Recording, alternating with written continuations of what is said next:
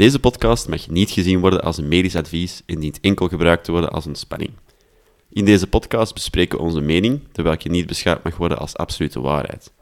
Voor medische problemen of vragen over uw gezondheid raden wij steeds aan om uw arts te contacteren.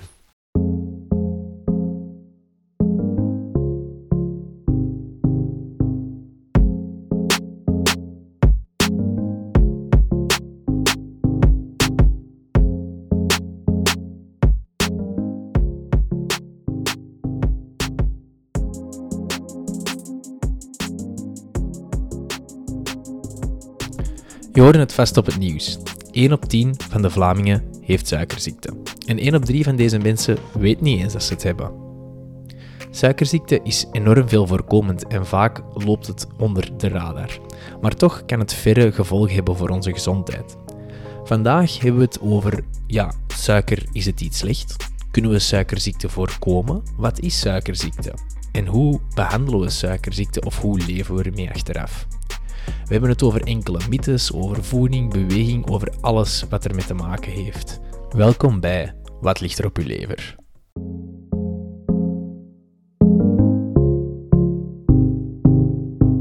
Welkom terug iedereen bij de podcast Wat ligt er op uw lever? We zijn weer terug van lang weg geweest te zijn. Even kort, in deze podcast bespreken we dus verschillende topics rond gezondheid, waarin ik geregeld wat vragen stel aan het En onze jonge huisarts doet dan vaak zijn best om die goed te beantwoorden, soms met wisselend succes.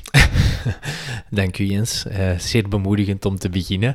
Uh, ja, we zijn inderdaad lang weg geweest, een beetje drukke tijden voor uh, mij. Ja, we hebben een huis gekocht en een eindexamens. Ik ben mijn studies nu echt aan het afronden. Dus... Proficiat. Ja, dank je, dank je, dank je. Dus, maar we zijn terug van weg geweest met een gezonde hoeveelheid ambitie en we hopen jullie dan ook weer te kunnen prikkelen met dit thema over gezondheid. Hm dit weekend werd ik benaderd door enkele fans. Fans? Ja, van de podcast. Ah. en die vroegen mij, ja, uh, kunt je eens wat dingen zeggen, zoals uh, welkom bij de podcast en, en van die dingen. Ik vond dat wel wat ongemakkelijk. Te omkaderen. Fans zijn eigenlijk vrienden van mij. dus het stijgt al naar ons hoofd. Maar uh, ja, het is toch fijn dat er mensen consequent luisteren. Dus aan iedereen die dat doet, shout-out, dikke merci. Absoluut, absoluut. Voilà. Goed, ik stel voor dat we er uh, ineens in vliegen, hè Jens? Dat is goed, dat is goed. Laten we dat doen. Dus vandaag, uh, op het schema, hebben we suiker en suikerziekte. misschien even kort beginnen met hoe, hoe, ja, hoe wordt suiker eigenlijk verwerkt in ons lichaam? Goed, even als kanttekening, hoe suiker wordt opgenomen um, en verwerkt hangt ook heel hard af van de structuur van de suiker. suiker komt in verschillende vormen voor, denk maar aan een klontje suiker of een frisdranksuiker versus een echte vezel. Um, eigenlijk, suiker bestaat uit allemaal aaneengeschakelde kleine suikermoleculen die worden georganiseerd volgens bepaalde structuren. En sommige structuren kunnen gewoon rapper in ons opnemen en rapper verteren dan andere. Maar laat ons nu gewoon als voorbeeld pakken, we eten een koek. We knabbelen die koek in stukjes, we slikken die in, gaan naar onze maag, wordt door het maagzuur verder afgebroken en komt in de darm terecht voor eigenlijk opgenomen te worden in de bloedbaan. Suiker komt dan in de bloedbaan, de bloedsuiker in zijn geheel begint te stijgen en ons lichaam voelt dat. Ons lichaam voelt, oké, we hebben hier precies energie voorradig en we kunnen uit onze overlevingsmodus en we gaan eigenlijk naar de opslaamodus. Om dat te doen, produceert uw lichaam in de alvleesklier of pancreas het hormoon insuline. Je kan insuline eigenlijk zien als een soort van sleutel. Normaal zijn de meeste cellen op slot. Wanneer we niet hebben gegeten, wanneer we een lage bloedsuiker hebben, zijn we in overlevingsmodus dan moet de suiker alleen maar geraken waar dat echt nodig is. Bijvoorbeeld in onze hersenen en niet in vetweefsel. Spierweefsel hangt al wat meer ervan af, maar bon, niet overal. dus in heel veel cellen zijn de deuren voor suiker dicht, zodat het gewoon verder stroomt er voorbij in het bloed en niet geweest wordt eigenlijk of verspild wordt. Maar dus, als de bloedsuiker stijgt en we maken insuline, gaat insuline als sleutel dienen om al die deuren open te zetten, zodat suiker wel in die cellen kan binnenstromen. Oké, dus die die insuline die zorgt er dus voor dat suiker uit de bloedbaan gaat en bij de juiste cellen terechtkomen. Ja, inderdaad. Die dat de suiker nodig hebben. Voilà. Okay, en, en stel, ja, alle cellen zijn bediend van suiker. En we hebben nog suiker over in onze bloedbaan. Wat, ja, het klassieke voorbeeld van te veel suiker eten. Wat gebeurt er met dat deel van de suiker? Ons lichaam heeft de gewoonte van dat dan op te slagen voor later. Dus die suiker wordt dan omgezet. Bijvoorbeeld in vetcellen wordt die opgeslagen of in spiercellen wordt die ook opgeslagen als glycogeen of, of andere vormen van suiker die eigenlijk als reserve kunnen dienen voor als we later een inspanning moeten doen, wanneer we niet zoveel suiker direct beschikbaar hebben. Een volgende vraag die ik wou stellen is, ja, is suiker altijd slecht? Maar ik denk dat ik het antwoord daar zelf op kan geven, Mhm. aangezien, dat, aangezien dat onze cellen eh, die suiker nodig hebben als energiebron, is het dus niet altijd slecht, maar het is de overmaat die dan misschien wel slecht kan zijn. Inderdaad, overmaat schaadt. Hè? Maar er is vaak een misconceptie. Heel veel mensen denken, suiker is slecht. Hè? Ik mag geen suiker innemen in Mhm. eender welke vorm, waar we het straks nog over kunnen hebben, snel of traag. Maar ik heb de indruk dat er ook wel wat diëten inspelen op dat suikers effectief slecht zijn en dat je er best gewoon niets van inneemt. Nu, ik denk dat dat een beetje kort door de bocht en vaak overdreven is. Zeker als je een beetje een actieve levensstijl hebt en je beweegt veel, je sport veel. Ja, je hebt wel echt koolhydraten of, of suikers eh, in zijn vormen nodig. Er bestaat wel iets als te veel natuurlijk. Mhm. Ja, en, en als we dan kijken, je hebt die suikers nodig, maar zijn alle suikers dan even goed? Je sprak al even kort over snelle en trage suikers. Eh, hoe zit het dan bijvoorbeeld met toegevoegde of natuurlijke suikers? Is het beter om natuurlijke suikers te eten, of maakt het niet echt uit of het toegevoegde of natuurlijke zijn? Hoe, zie, hoe zie jij dat? Als je gewoon gezond bent, is het advies al anders dan als je suikerziekte hebt natuurlijk. Hè? Mhm. Maar we zullen nu spreken van we willen suikerziekte voorkomen en we zijn gezonde mensen voor de rest. Hè? Ehm, dan denk ik dat het vooral belangrijk is dat we ons niet doodstaren op we mogen iets niet. In de zin van we mogen niet eens een klontje suiker in onze koffie doen of, of, of wat honing, of we mogen eens niet een koek eten. Nu, ik wil graag refereren naar de adviezen van gezondleven.be. Die hebben daar die omgekeerde voedingspyramide waar wij het ook een Ja. keertje op hebben gehad. En ze hebben ook een heel segment over suikers. Oké. En, en eigenlijk, wat dat ik mij in kan vinden, is dat je bepaalde dingen moet beperken en heel bewust van genieten. En dan spreek ik over toegevoegde suikers eh, in de zin van klontjes suiker, honing, maar ook eens, als je eens een koek wilt eten of een stuk chocola of zo. Je moet dat allemaal niet nooit doen, maar doe het met mate en, en geniet ervan op momenten dat je het doet. Doe het niet wanneer je gewoon achter je computer zit en toch maar gefocust bent op je e-mails. Eet dan geen stuk chocola, hè, want dan haal er eigenlijk niet uit wat je eruit haalt. En focus vooral op koolhydraten in meer ja, vezelrijke producten. Hè. Groente, fruit, volle granen, eh, eh, meer granenbrood, pasta, zo van die zaken. Ja, en wa- waarom op die zaken? Wat is het verschil juist met, met snelle suikers? Ik, ik benoem het nu al een beetje, want het Mhm. eerste wat je benoemde was eigenlijk vooral snelle suikers. Mhm. En de tweede categorie zijn meer Ja. ja, de trage suikers. Mhm. Kan je nog eens uitleggen wat dat juist het verschil is? Om het heel vereenvoudigd te schetsen, het verschil tussen snelle en trage suikers is hoe complex dat de structuur van die moleculen is. Dus snelle suikers zijn suikers die snel vrijkomen in ons bloed, omdat dat heel eenvoudig te verteren suikers zijn. Mhm. Bijvoorbeeld een klontje suiker. Dat zijn structuren die niet zo groot zijn, met niet zo'n complexe ketens, en ons lichaam kan die heel gemakkelijk afbreken. Aan de andere kant heb je de tragere suikers met veel vezels. Die kunnen we soms maar gedeeltelijk of soms volledig verteren, maar omdat die zo onderling verankerd zijn en langer van structuur, worden die in onze darmen en onze maag trager verteerd en geven die eigenlijk een langere en gestagere vrijzetting van suikers. Wat dat goed is. Hè. Ons lichaam die heeft graag ja, evenwichtssituaties en niet te veel extreme. Verlaagt dat dan ook de kans, dat, als je dan die trage, trage suikers eet, dat die, dat die worden omgezet in ja, reserves, nu bijvoorbeeld vetreserves? Mhm. Ik denk als je echt kijkt naar vetreserves, dat het vooral belangrijk is dat je geen overmaat inneemt. Ehm, natuurlijk weten we wel dat veel snelle suikers, die geven minder een vullingsgevoel of die geven minder eh, remming van je hongergevoel en Ja. die geven wel heel veel calorieën. Dus dat zorgt ervoor dat iemand die veel calorierijke snacks met snelle suikers zal innemen, zal gemiddeld meer vetopbouw hebben en hogere suikerpieken in zijn bloed en bla bla bla. Maar dus denk ik dat het belangrijkste advies dat je meeneemt van beperk toegevoegde suikers in drankjes en zo. Ook honing en zo, let ermee op. Hè. Doe het niet in overmaat en geniet ervan. En focus wel op koolhydraten of suikers die je opneemt van groente, fruit, brood, pasta, zo van Ja. die zaken. Oké, nu nog, nog een laatste vraag over suiker. Eh, ik had al een beetje research gedaan op Mhm. voorhand. Als je dan opzoekt over suiker, kom je al snel terecht op het feit dat wij eigenlijk te veel suiker eten als Mhm. mensen in onze maatschappij. Hoe, hoe gaan we hiermee om? Moeten we dan letten op wat we eten? Moeten we suikers gaan tellen? Hoe moeten we, dat dan, hoe moeten we daarmee omgaan? Wel, ik denk dat tellen niet zo'n goed idee is. Hè. Je hebt heel veel gelijk dat, dat een van de uitdagingen is nu met al die verwerkte producten waar dat we ze gewoon willen verkopen en lekkere smaak aan geven, dat suiker iets is dat we vaak lekker vinden, dus dat ze overal insteken. De key, denk ik, of de essentie is om, om niet te tellen en niet jezelf daarin te verliezen, maar wel te gaan naar terug wat we er net zeiden en, en eventueel op ehm, de website gezondleven.be de omgekeerde voedingsdriehoek erbij te nemen en je goed te informeren. Je kan daar doorklikken op alles eh, in verband met toegevoegde suikers te vermijden, producten, etc. Dus je moet zeker niet zo neurotisch zijn om alles te tellen, maar let een beetje op en hou u aan de eerder groene categorieën binnen die driehoek. Oké, ça va.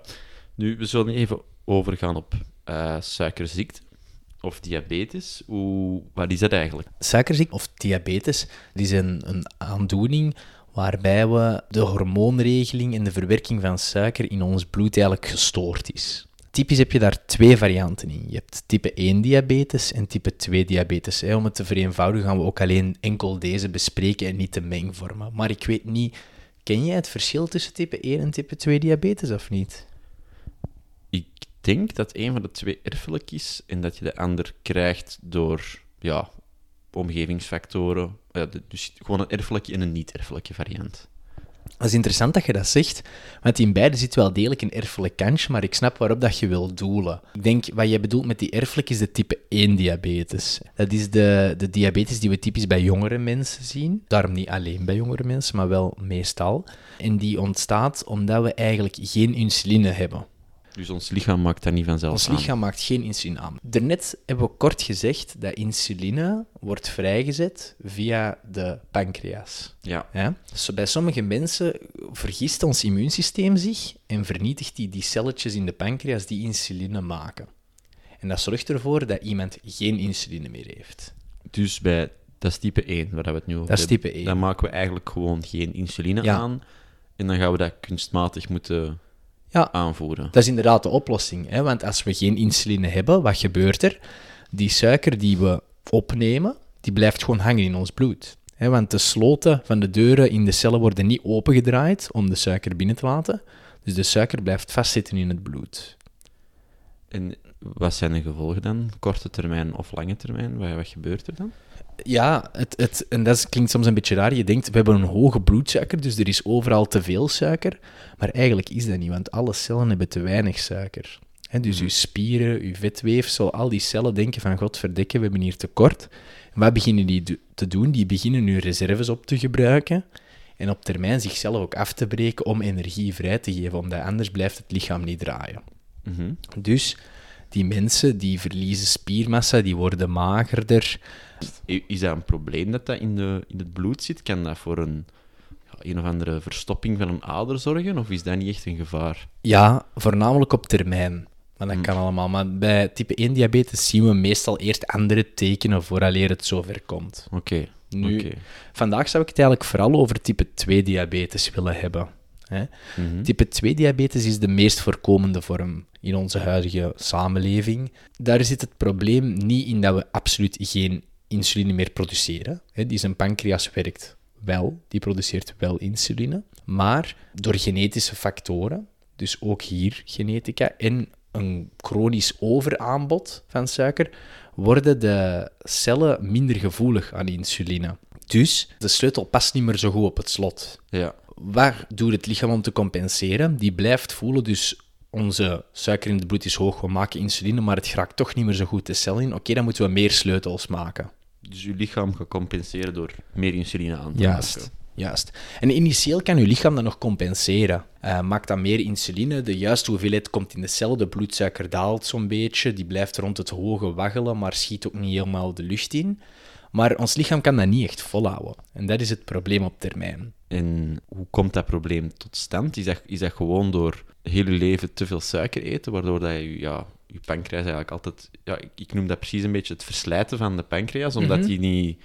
Ja, die maakt die sleutels niet meer, niet meer even goed als dat die die ervoor Mhm. maakte. Is dat dat een beetje wat we daar zien? Of? Een beetje wel. Ehm, zeker als je het heel ver laat komen. hè. Dus mensen die heel lang onwetend, hè, want je krijgt niet altijd symptomen, mensen die heel lang onwetend met de type 2 diabetes leven, die hun pancreas wordt echt moe. En op termijn kan die dat niet volhouden van altijd maar te blijven insuline produceren, insuline produceren, insuline produceren. Op een termijn worden die cellen moe, die geraken verlietekend, die, geraken, die worden kleiner en die kunnen niet meer volgen. En wat er dan gebeurt, is dat dan ineens, wanneer die reserve eigenlijk tussen aanstekens opgebruikt is, zien we, hop, de suiker toch terug naar boven gaan bij die mensen. Ja, in het bloed dan. In het bloed dan. Mhm. Ja.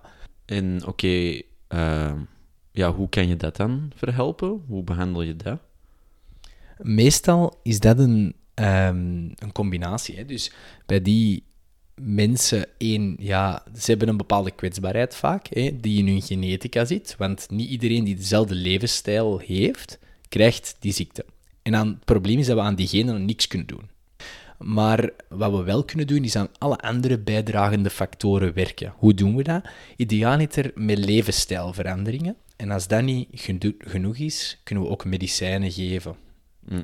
En wat doen die medicijnen dan? Die, ver- die maken nog meer insuline aan of die verlagen het suikerspiegel? Of moet ik dat zien? Er zijn heel veel verschillende medicijnen. Ehm, ik denk dat je drie belangrijke categorieën hebt. De eerste zijn de pilletjes. Die werken alle op andere manieren om suiker toch efficiënt in die de cellen te krijgen terug. De tweede zijn, en dat zijn nu er heel hippe, dat zijn er die kan inspuiten, maar die geen insuline zijn. En de derde is echt effectief gewoon meer insuline aanvullend geven. Omdat je lichaam kan misschien niet meer volgen, maar wij kunnen in theorie grote hoeveelheden ook via spuitjes bijgeven, om toch het voldoende aan suiker in de cellen te krijgen. Nu, meer belangrijk zijn die levensstijlfactoren. Oké, stel nu, ja, je hebt inderdaad suikerziekte. Ja, hoe merk je dat dan? Hoe weet je dat dan?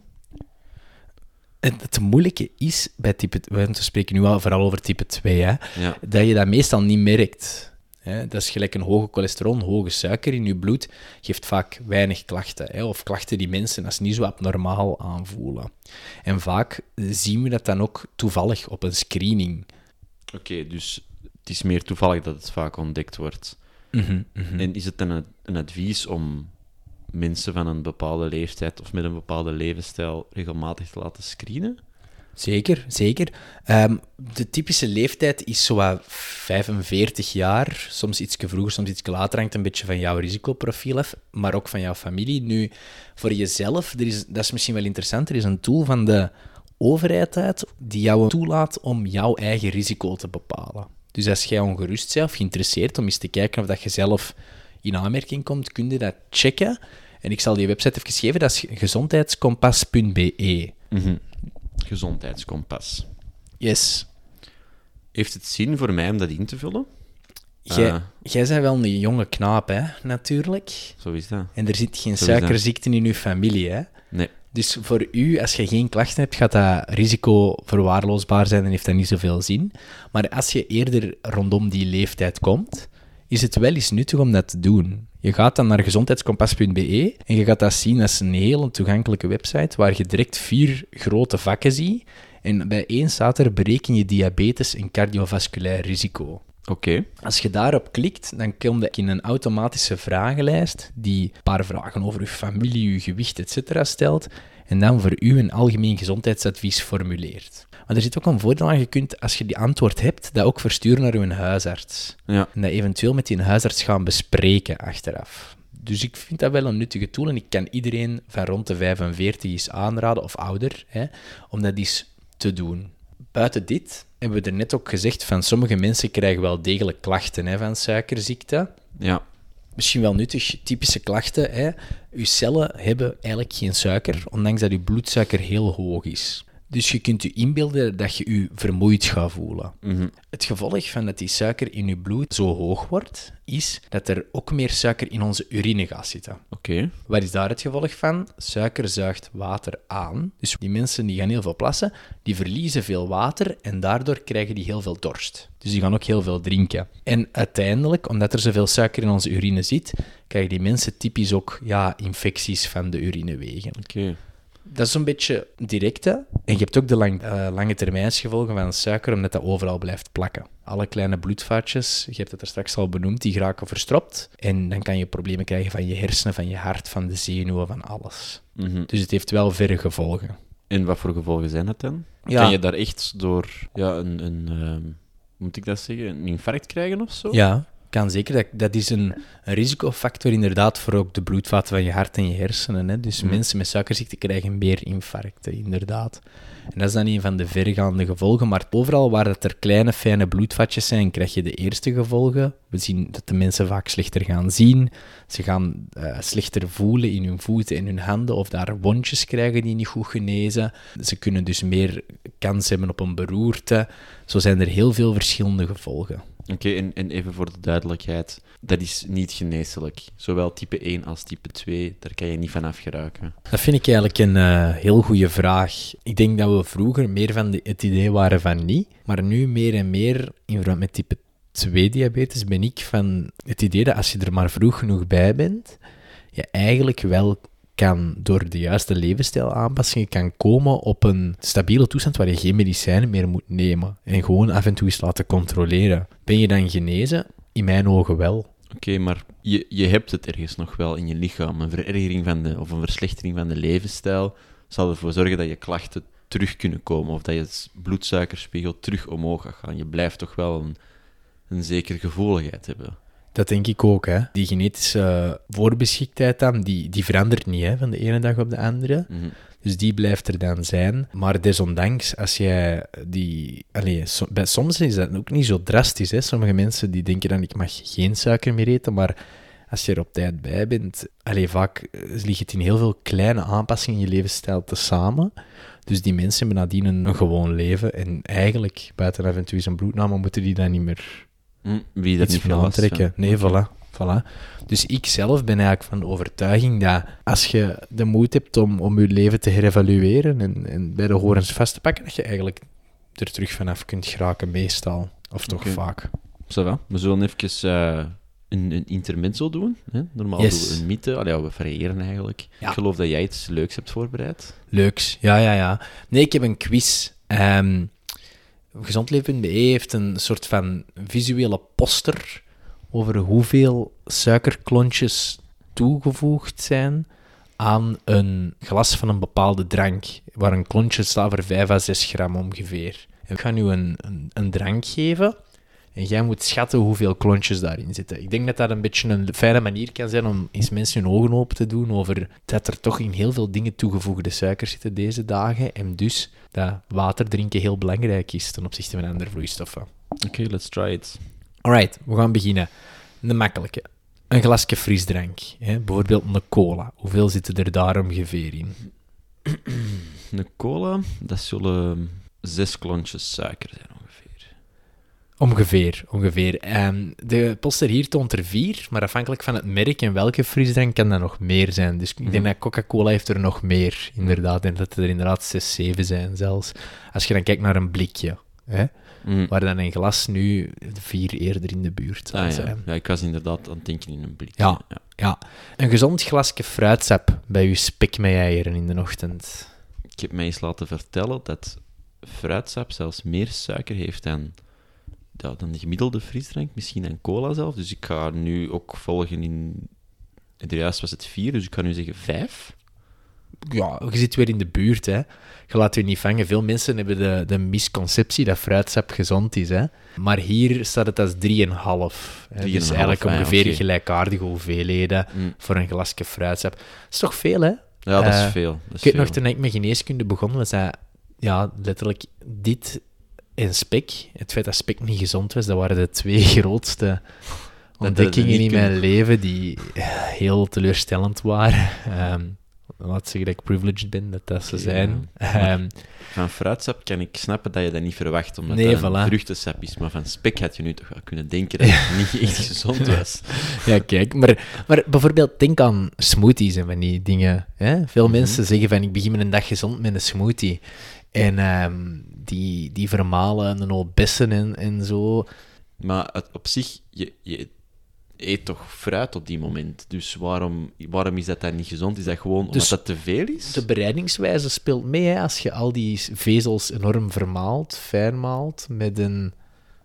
Mixer is dat iets anders dan dat je die gewoon koud en inslikt. Eh, dus dat speelt ook mee natuurlijk in hoe snel suikers worden opgenomen. Dus het is beter om fruit te eten dan Ja. om het te vermalen en als een sapje te drinken. Plus ook als je het vermaalt en je drinkt als een sapje, neem je heel snel grote hoeveelheden in ook. Hè? Mhm. Dus vaak is dat dan wel een beetje overmaat. Fruit is gezond, hè, guys. Eet Mm. fruit, hè. Ehm, maar kies best voor een gehele appel dan een glas appelsap. Hè? Ja. Misschien een interessante. Een, eh, een goede sportdrank. Een goede Aquarius of zo. ja, daar zitten ook veel suikers in. je drinkt dan na het sporten, op het moment dat je je suiker moet aanvullen. Dus ja, ik denk dat dat iets is zoals vriendelijk, misschien iets minder. Drie klontjes. Hier staat 5,5.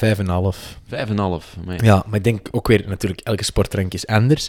En als je dat drinkt in de context van, ik doe een hevige inspanning, tuurlijk is er ruimte voor. Mhm. Maar als jij denkt van, ah, ik wil een gezonder alternatief pakken om tussen mijn meetings te drinken en ik pak een Aquarius in plaats van de frisdrank, Mhm. zijn dat beide niet zo'n optimale keuzes. Nee, Hè? een vijf en een half is wel echt eh, veel. Ja, ja. En eigenlijk, we kunnen zo voortgaan, maar eigenlijk zit in veel van de dranken dat geen water is, eigenlijk toch zoiets verborgen. We hebben het onlangs ook in een andere episode over vitaminewater gehad. Ja, dat was ook veel suiker. Dat zat ook vol. Ik weet nu niet meer exact hoeveel het was. Dat was een derde van cola of zoiets, maar toch ook niet te verwaarlozen. Zeker omdat je dan kijkt, als je een liter op een dag drinkt van die dingen, ja, dan zitten we er wel rap aan. Dus water, de rest komt later, jongens. En dan mag ik nog één vragen. Melk, hoeveel zit daarin? Want melk is ook zo wat, ja, dat verwacht je niet echt, dat er suiker in zit, maar er zit wel lactose in, wat een Ja. suiker is. Hoe, hoeveel suiker zit daarin? Melksuiker wordt net anders verwerkt. Dus die wordt eigenlijk niet helemaal meegeteld. Nu, dus het is beter om een glas melk te drinken dan een glas appelsiensap, bijvoorbeeld. Hè, als je natuurlijk melk verdraagt. Nu, er zijn ook wel aanbevolen hoeveelheden voor melk. Hè? Maar als je daarover meer wilt weten, zou ik u weer refereren naar de website van Gezond Leven. Die hebben eigenlijk heel bevattelijke eh, aanbevelingen per voedingsstof. En melk zit daar ook tussen. Dus dan zou ik dat even gaan checken. Ja, we hebben het al kort even gehad over behandeling, dat je medicatie kan nemen, Mhm. maar je haalde daar vooral levensstijl aan. Dat dat Yes. een van de grootste zaken was. Ja. Hoe ga je dan te werk met iemand die diabetes heeft? Wat zijn de dingen waar dat die aan moet werken? Die kan beginnen met al onze episodes te luisteren over gezond bewegen, gezonde voeding, al die dingen. Luisteren. Nee, na deze sluikreclame eh, terug naar de echte content. Het zit eigenlijk dus in een samenloop van heel veel kleine dingen. Hè. Het zit in, in een gezonde beweging en een gezond voedingspatroon. Ik stel voor dat we wat beginnen met bewegen, of wat denk jij? Eh, beweging is goed. Ik moet zeggen dat ik ondertussen de test heb ingevuld van ehm, het, het gezondheidskompas Ah ja, daar. en? Ja, eh, wat mij opviel was dat daar een van de vragen was: beweeg je oftewel elke dag 30 minuten aan matige intensiteit of Mhm. minstens de twee of drie keer in de week aan intens, intensieve, Mhm. eh, allee, aan hoge intensiteit. Dus ik denk dat dat misschien. eh, Ja. We hebben dat, dat richtlijn komt van, eh, van de Vlaamse overheid, denk ik. Hè? Ja, ja.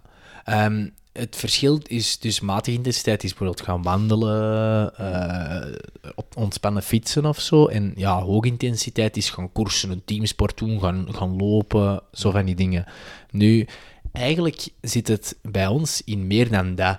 Het zit in het feit dat we niet alleen minder aan sporten aan die hogere intensiteiten doen, maar dat we ook minder en minder bewegen aan lage intensiteit. En het begint echt bij het zitten.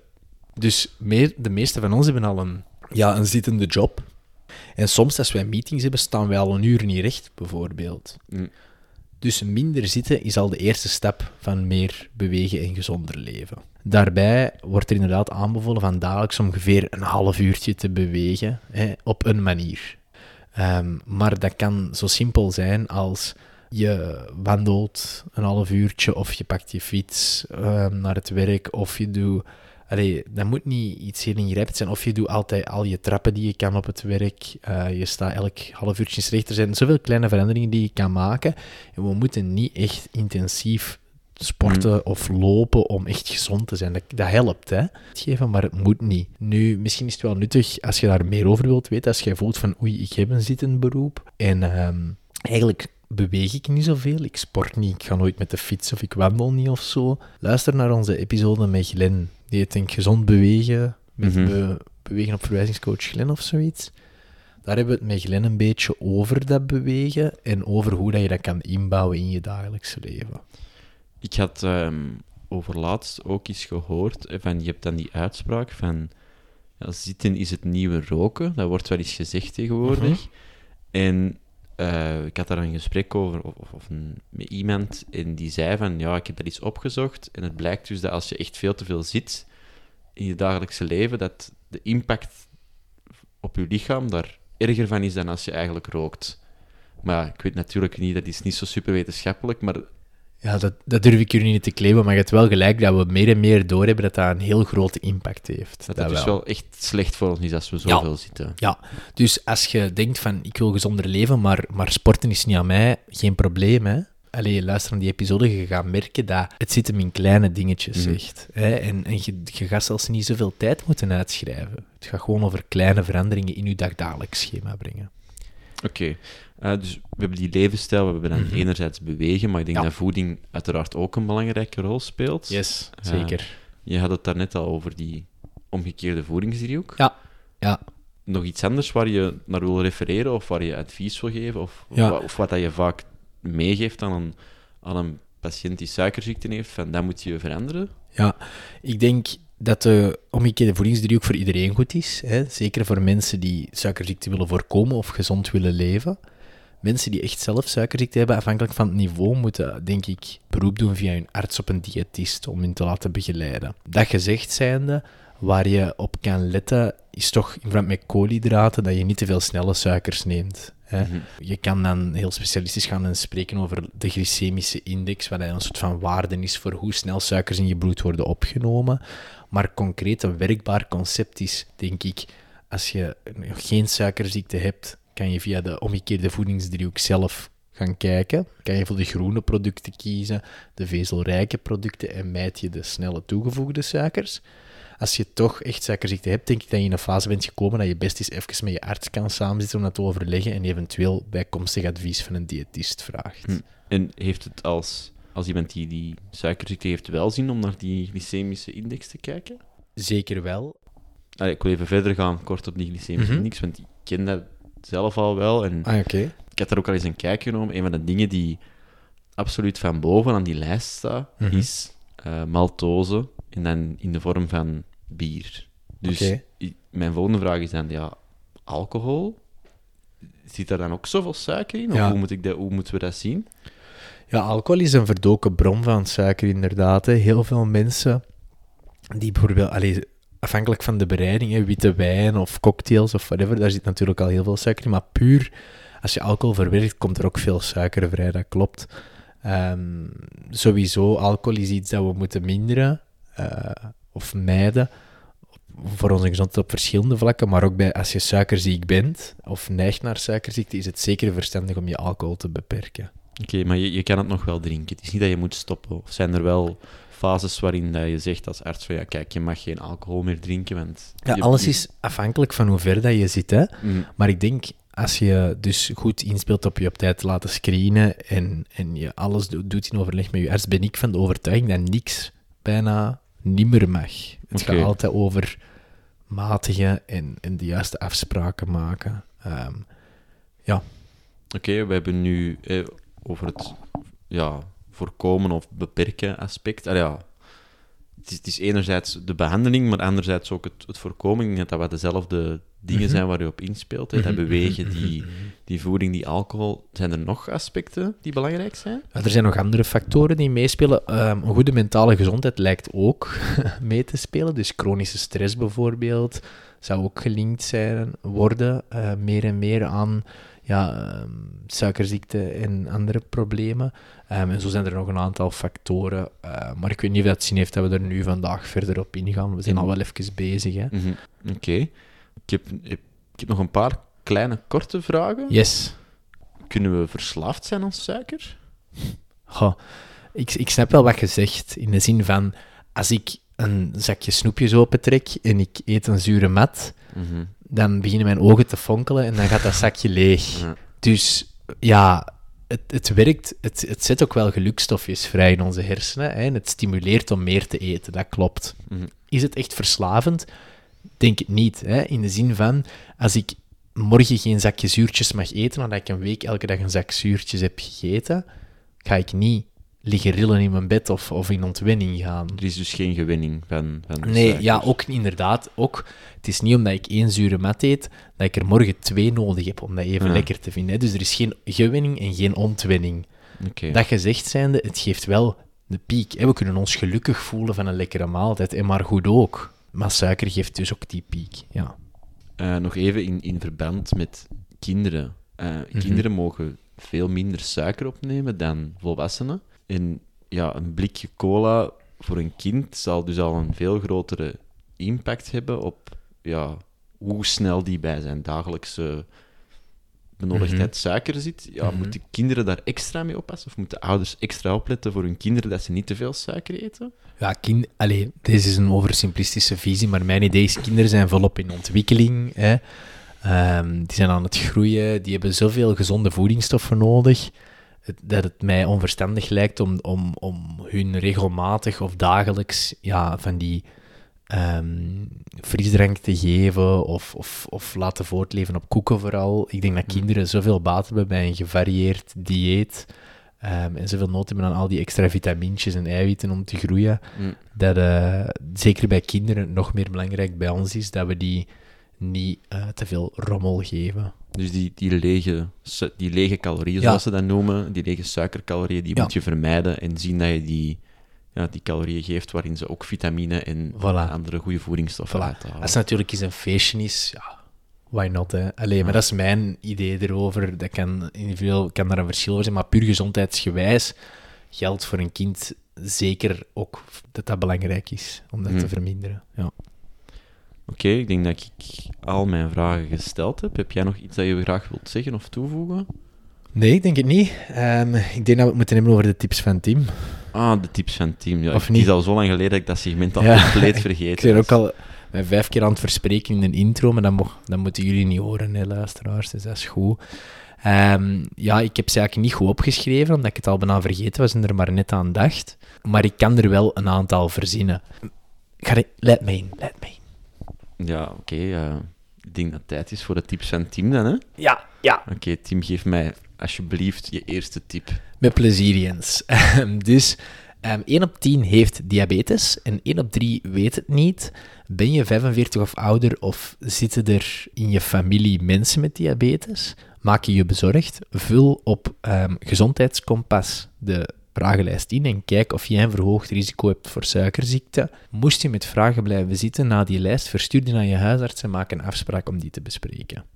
Oké, dat lijkt me al een goed advies. Yes. Heb je nog advies? Vermijd vrije suikers en toegevoegde suikers. Dus vermijd suiker, honing, koeken, al die dingen. Je mag die innemen, maar geniet ervan als je het doet. En focus op suikers innemen via gezondere bronnen, zoals fruit, brood met vezels, ehm, groenten, zo van die zaken. Oké. Nog een tip? Nog een tip, tip 3. Luister naar onze episode over gezond bewegen. Doe dat zeker de laagdrempelige met de coach van Bewegen op Verwijzing, Glen. Ehm, en luister naar onze aflevering over gezonde voeding, waar wij eigenlijk eens op ons gemak de voedingsdriehoek doorlopen, zodat jij ook wat wegwijs kan geraken uit die website gebruik in jouw dagelijkse leven. Ja.